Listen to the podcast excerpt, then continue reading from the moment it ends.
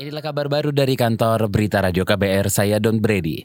Ahli Hukum Tata Negara dari Sekolah Tinggi Hukum Jentera B. Fitri Susanti menilai tawaran bagi Prabowo Subianto untuk duduk di kursi Dewan Pertimbangan Presiden sebagai upaya rekonsiliasi yang positif. Menurut B. Fitri, tawaran jabatan itu juga menjadi politik transaksional sebagai cara Jokowi untuk menyelamatkan lawannya dari keterpurukan nasihat dari One Team Press wajib dilaksanakan oleh presiden itu nggak ada. Misalnya karena uh, ternyata banyak hal yang barangkali sebenarnya penting, tapi oleh presiden ya diabaikan aja karena ada pertimbangan dari orang-orang lain gitu. Jadi hmm. memang secara ketatanegaraan dia nggak punya kekuatan. Dia hmm. cuma memberi nasihat, uh, nggak nggak ada apa namanya presiden nggak wajib untuk memenuhi dan akhirnya lebih banyak gitu tadi eh, menempatkan tokoh-tokoh politik sebagai akomodasi saja karena yang lebih berpengaruh sebenarnya orang-orang di sekitar presiden yang bikin itu tadi ahli hukum tata negara Bivitri Susanti. Sebelumnya Wakil Sekjen Partai Amanat Nasional Valdo Maldini mengatakan tidak tertutup kemungkinan Prabowo Subianto ditawari menduduki jabatan Dewan Pertimbangan Presiden kalau Jokowi resmi menjadi presiden untuk periode keduanya.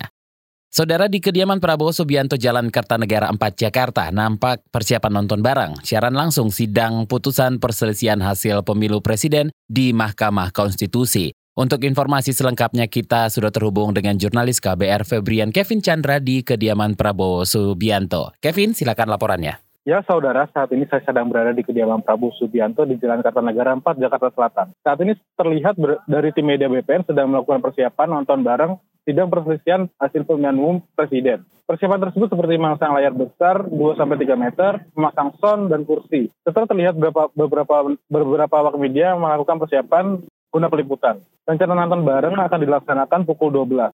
Nonton bareng ini selain Prabowo Subianto juga terlihat akan dihadiri oleh Sandiaga Uno dan serta pimpinan para pimpinan partai koalisi.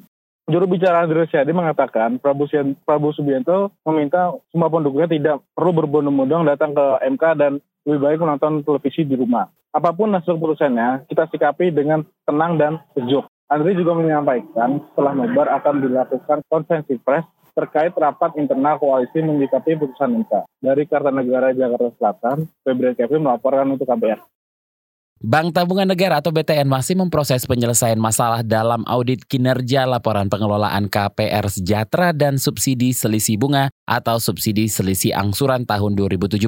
Direktur Utama Bank BTN Mariono mengatakan koordinasi penyelesaian tujuh temuan masalah itu dilakukan bersama DPR dan Badan Pemeriksa Keuangan. Adapun laporan keuangan dan kinerja BTN tahun 2018 kata Mariono belum diperiksa oleh BPK. Jadi 2018 belum ada pemeriksaan oleh BPK. Direncanakan kami mendapatkan informasi adalah di tahun 2019. Kemudian adalah kami memang memfokuskan kepada uh, pemeriksaan terakhir yaitu adalah di tahun 2017 yang kami laporkan kepada Bapak anggota DPR. Sedangkan kalau untuk laporan pemeriksaan yang tahun 2014 uh, itu sebetulnya udah selesai semuanya. Direktur Utama Bank BTN Mariono menambahkan Badan Pemeriksa Keuangan menemukan ada 22 masalah terkait hasil audit kinerja. Dalam jumlah itu, 15 masalah di antaranya sudah terselesaikan dan 7 lainnya masih dalam proses.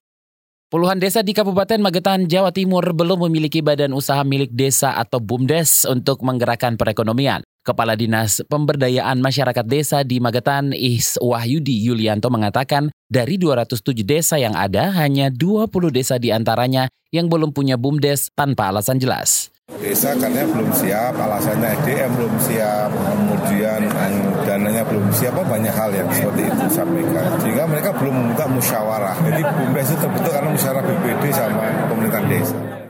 Kepala Dinas Pemberdayaan Masyarakat Desa di Magetan, Iswahyudi Yulianto menambahkan, belum adanya BUMDes di 20 desa karena rendahnya pemahaman warga terhadap badan usaha milik desa. Padahal pembentukan BUMDes menjadi bagian dari pelaksanaan undang-undang tentang pemerintahan desa. Demikian kabar baru dari kantor Berita Radio KBR, saya Don Brady.